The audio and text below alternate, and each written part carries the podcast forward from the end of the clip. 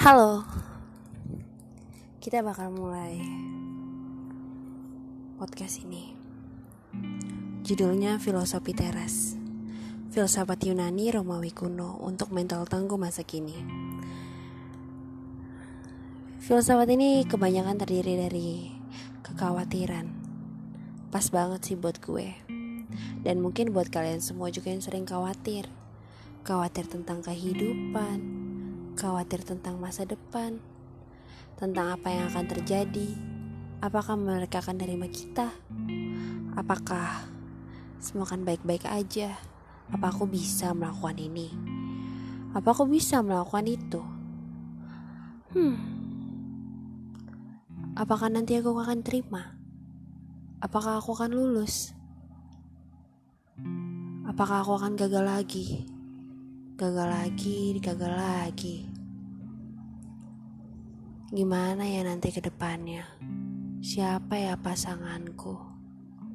Apa yang akan aku lakukan? Kenapa begini ya? Kenapa begitu? Nah, itu gue banget. Kalau kalian juga merasa hal yang sama, yuk kita belajar bareng-bareng tentang filosofi teras ini supaya hidup kita lebih santuy. Nah, filosofi teras ini kita bakal mulai ya.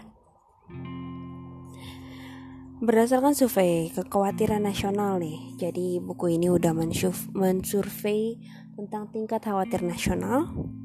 Ada lebih banyak orang yang merasa khawatir dalam hidup ini. Dengan dua dari tiga responden merasa khawatir secara umum. Aspek hidup yang berbeda memiliki tingkat kekhawatiran yang berbeda pula.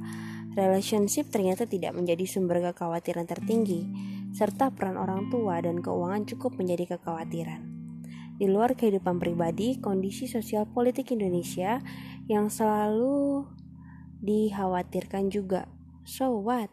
Mungkin kamu pikir, tidakkah kekhawatiran itu normal? Untuk apa dipusingkan atau dikhawatirkan?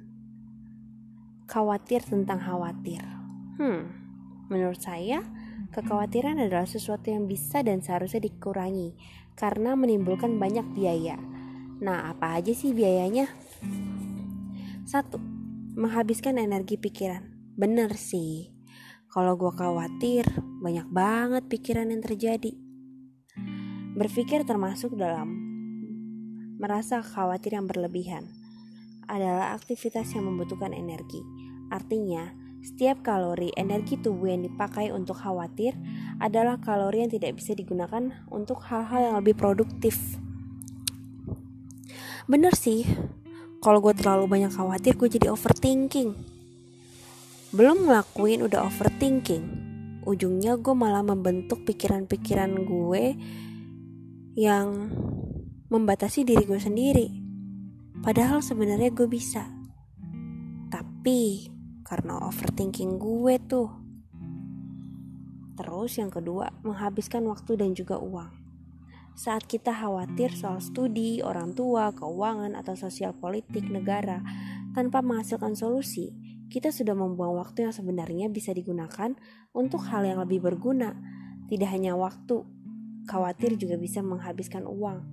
Apabila rasa khawatir tersebut dianggap mengeluarkan uang untuk menenangkan pikiran, padahal tidak efektif.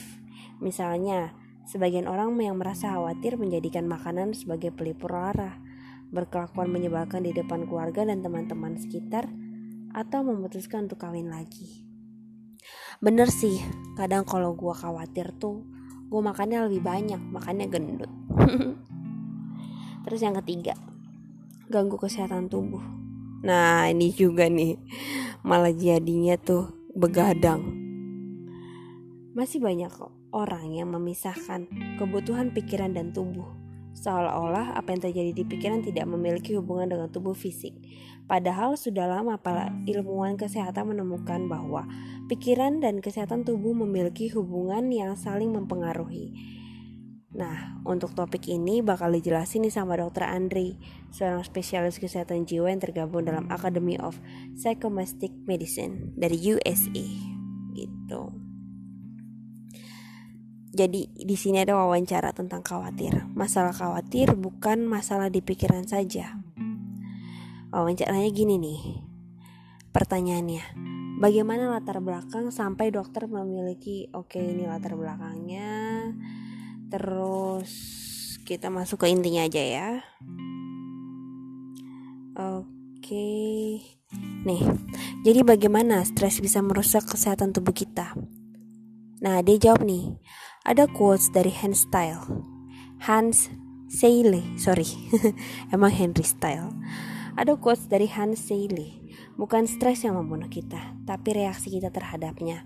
Karena sebenarnya masalah bukan di stres itu sendiri tapi persepsi kita misalnya duh jalanan macet nih atau utang gue banyak itulah yang menyebabkan badan mengeluarkan zat Pertama, respon adrenalin kita tuh bakal meningkat. Adrenalin meningkatkan tekanan darah karena jantung semakin berdebar. Terus, pembuluh darah menyempit dan karenanya kepala kita jadi tegang. Nah, pernah gak sih lo ngerasa kayak kepala belakang lo tuh jadi tegang? Jadi saat itu adrenalin lo bakal meningkat, jantung lo berdebar lebih kencang, dan juga tekanan darah lo bakal naik. Dalam jangka panjang, kondisi seperti ini akan meningkatkan hormon stres, namanya kortisol. Kortisol adalah zat yang bersifatnya aksi oksidatif, sorry. Sifatnya itu oksidatif, merusak apa pun dalam tubuh kita. Jadi dia menempel di pankreas, dia meningkatkan insulin. Maka ada orang yang kalau stres bawaannya mau makan. Oh, jadi kalau gue dikit-dikit mau makan dan banyak pikiran itu, ad, uh, si kortisol ini nempelnya di pankreas gue cuy. Nah lalu badannya manggil-manggil karena dia sedang membutuhkan energi okay. jika stresnya akut atau sementara maka reaksi tubuh juga sementara tapi jika stresnya lama maka reaksi tubuh juga akan lama makanya saya suka bilang ke pasien jangan stres lama-lama nanti adaptasinya berubah nanti anda tidak tahu lagi bahwa anda sedang stres atau Anda tuh sudah terbiasa hidup dalam stres. Jika kita stres kelamaan, bak badan tuh akan merespon dengan hal-hal yang kita tidak tahu sebagai bagian dari stres. Contohnya penyakit dispepsia atau gangguan lambung. Tuh hati-hati tuh. In the long run bisa muncul gangguan jantung, hipertensi dan diabetes. Bahaya banget gak sih kalau kita banyak stres? Itu cuma gara-gara satu kata, khawatir dan persepsi pikiran kita. Nah, selanjutnya nanti kita akan bahas lagi ya. See you guys.